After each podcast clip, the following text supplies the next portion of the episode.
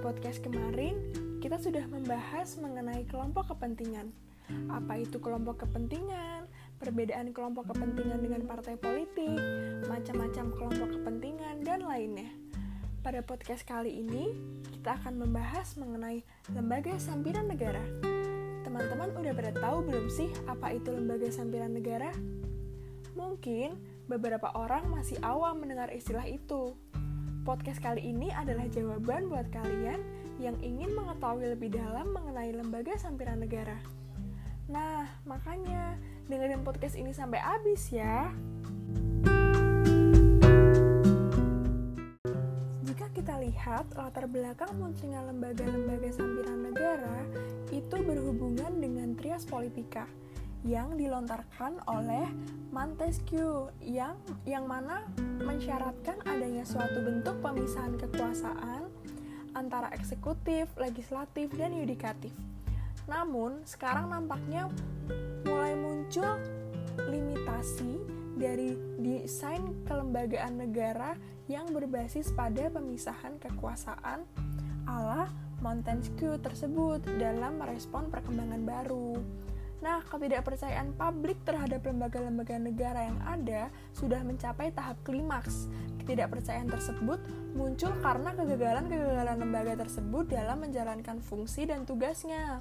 Di samping itu juga disebabkan banyaknya penyimpangan-penyimpangan yang dilakukan lembaga-lembaga tersebut, misal korupsi, kolusi, dan nepotisme yang nampaknya sudah menjadi sesuatu yang jamak.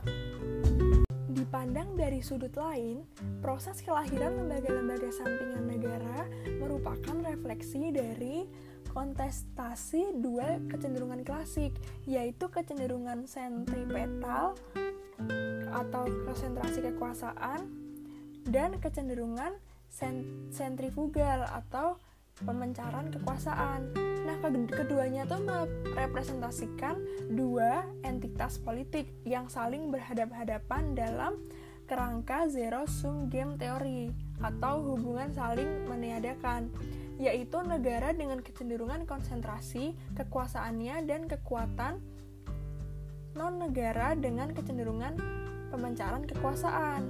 Dilihat dari sudut ini, kehadiran lembaga-lembaga sampingan negara dapat dibaca sebagai raut negosiasi yang berujung pada kemenangan kekuatan non-negara dalam merepresentasi wilayah dominasi negara.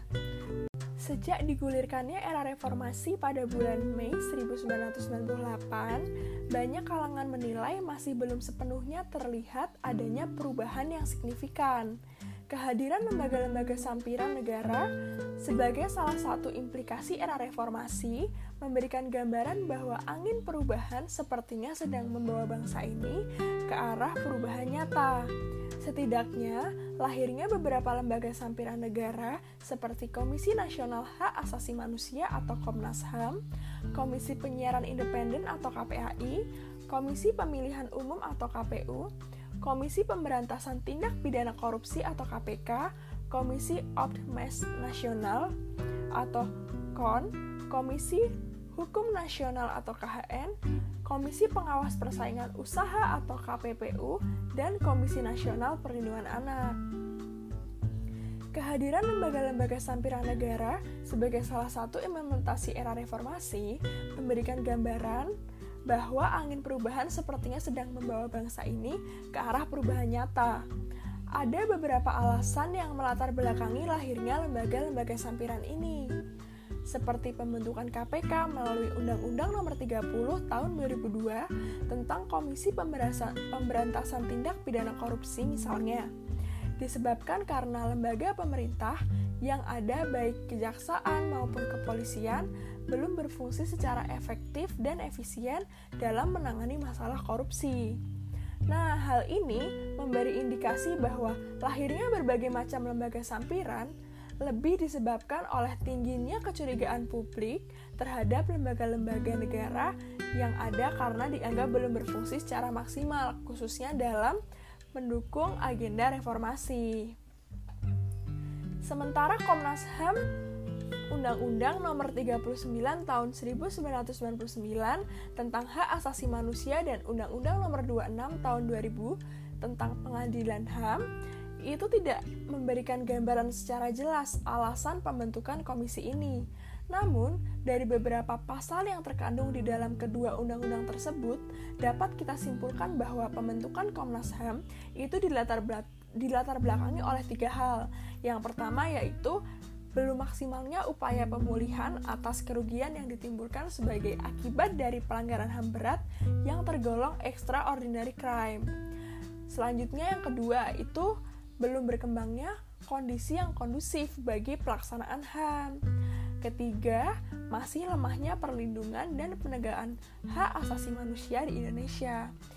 Jadi dapat disimpulkan bahwa lahirnya berbagai macam lembaga sampiran negara lebih disebabkan oleh tingginya kecurigaan publik terhadap lembaga-lembaga negara yang ada karena dianggap belum berfungsi secara maksimal, khususnya dalam mendukung agenda reformasi. Komisi Ombudsman Nasional itu mempunyai empat tugas. Yang pertama, menyebarluaskan pemahaman mengenai lembaga ombudsman melalui koordinasi atau kerjasama dengan instansi pemerintah. Kemudian perguruan tinggi, lembaga swadaya masyarakat, para ahli, praktisi, organisasi profesional, dan lain-lain. Kemudian, lembaga ini tuh juga melakukan langkah untuk menindaklanjuti laporan atau informasi mengenai terjadinya atau penyimpangan oleh penyelenggara negara dalam melaksanakan tugasnya maupun dalam memberikan pelayanan umum dan mempersiapkan konsep rancangan undang-undang tentang Ombudsman Nasional. Sebagai sebuah lembaga yang bersifat mandiri, Komisi Ombudsman Nasional atau yang kemudian disebut dengan Ombudsman Nasional itu memiliki kewenangan melakukan klarifikasi, monitoring, atau pengawasan atau laporan masyarakat mengenai penyelenggaraan negara khususnya pelaksanaan oleh aparatur pemerintah termasuk lembaga peradilan terutama dalam memberikan pelayanan kepada masyarakat. Wajar bila dikatakan bahwa peran serta Komisi Ombudsman Nasional dalam mendukung agenda reformasi di Indonesia itu akan lebih berarti bila komisi ini tuh diberi tugas yang lebih spesifik dengan kewenangan yang lebih jelas dan tegas serta dasar hukum yang lebih kuat. Nah, dengan lain perkataan, eksistensi kon yang berkurang powerful atau lambat laut akan ditinggalkan publik yang mulai putus asa sebagai akibat tak adanya solusi konkret dari berbagai problem dalam penyelenggaraan negara. Karena minimnya peran yang dapat disumbangkan komisi ini, itu tuh dalam rangka mengimplementasikan agenda reformasi di negeri ini. Sama halnya dengan KON, Komisi Hukum Nasional atau KHN itu juga dibentuk dengan sebuah keputusan presiden. Nah, Komisi Hukum Nasional ini adalah lembaga bentukan pemerintah yang memiliki ruang lingkup tanggung jawab di bidang hukum, khususnya dalam hal pengkajian masalah-masalah hukum dan penyusunan rencana pembaharuan di bidang hukum. Lembaga ini tuh juga bertanggung jawab kepada presiden. Namun, Komisi Hukum Nasional tuh tidak memiliki kekuatan untuk memaksa presiden strategis tidaknya sebuah lembaga itu akan sangat ditentukan oleh kuat lemahnya kedudukan lembaga tersebut dibandingkan lembaga-lembaga negara lainnya. Karena itu sangat penting melihat bagaimana sebetulnya kedudukan masing-masing lembaga-lembaga sampiran negara dalam sistem ketatanegaraan Indonesia. Karena hal ini sangat berpengaruh dalam pelaksanaan tugas, fungsi, dan kewenangannya sebagai lembaga pembantu negara yang di sekelilingnya itu telah berdiri lembaga-lembaga resmi negara dengan kedudukan yang jelas satu dengan lainnya. Oke, sepertinya cukup sekian pembahasan kita mengenai lembaga sampiran negara. Terima kasih untuk teman-teman yang sudah mendengarkan podcast ini sampai habis. Sampai jumpa. Bye.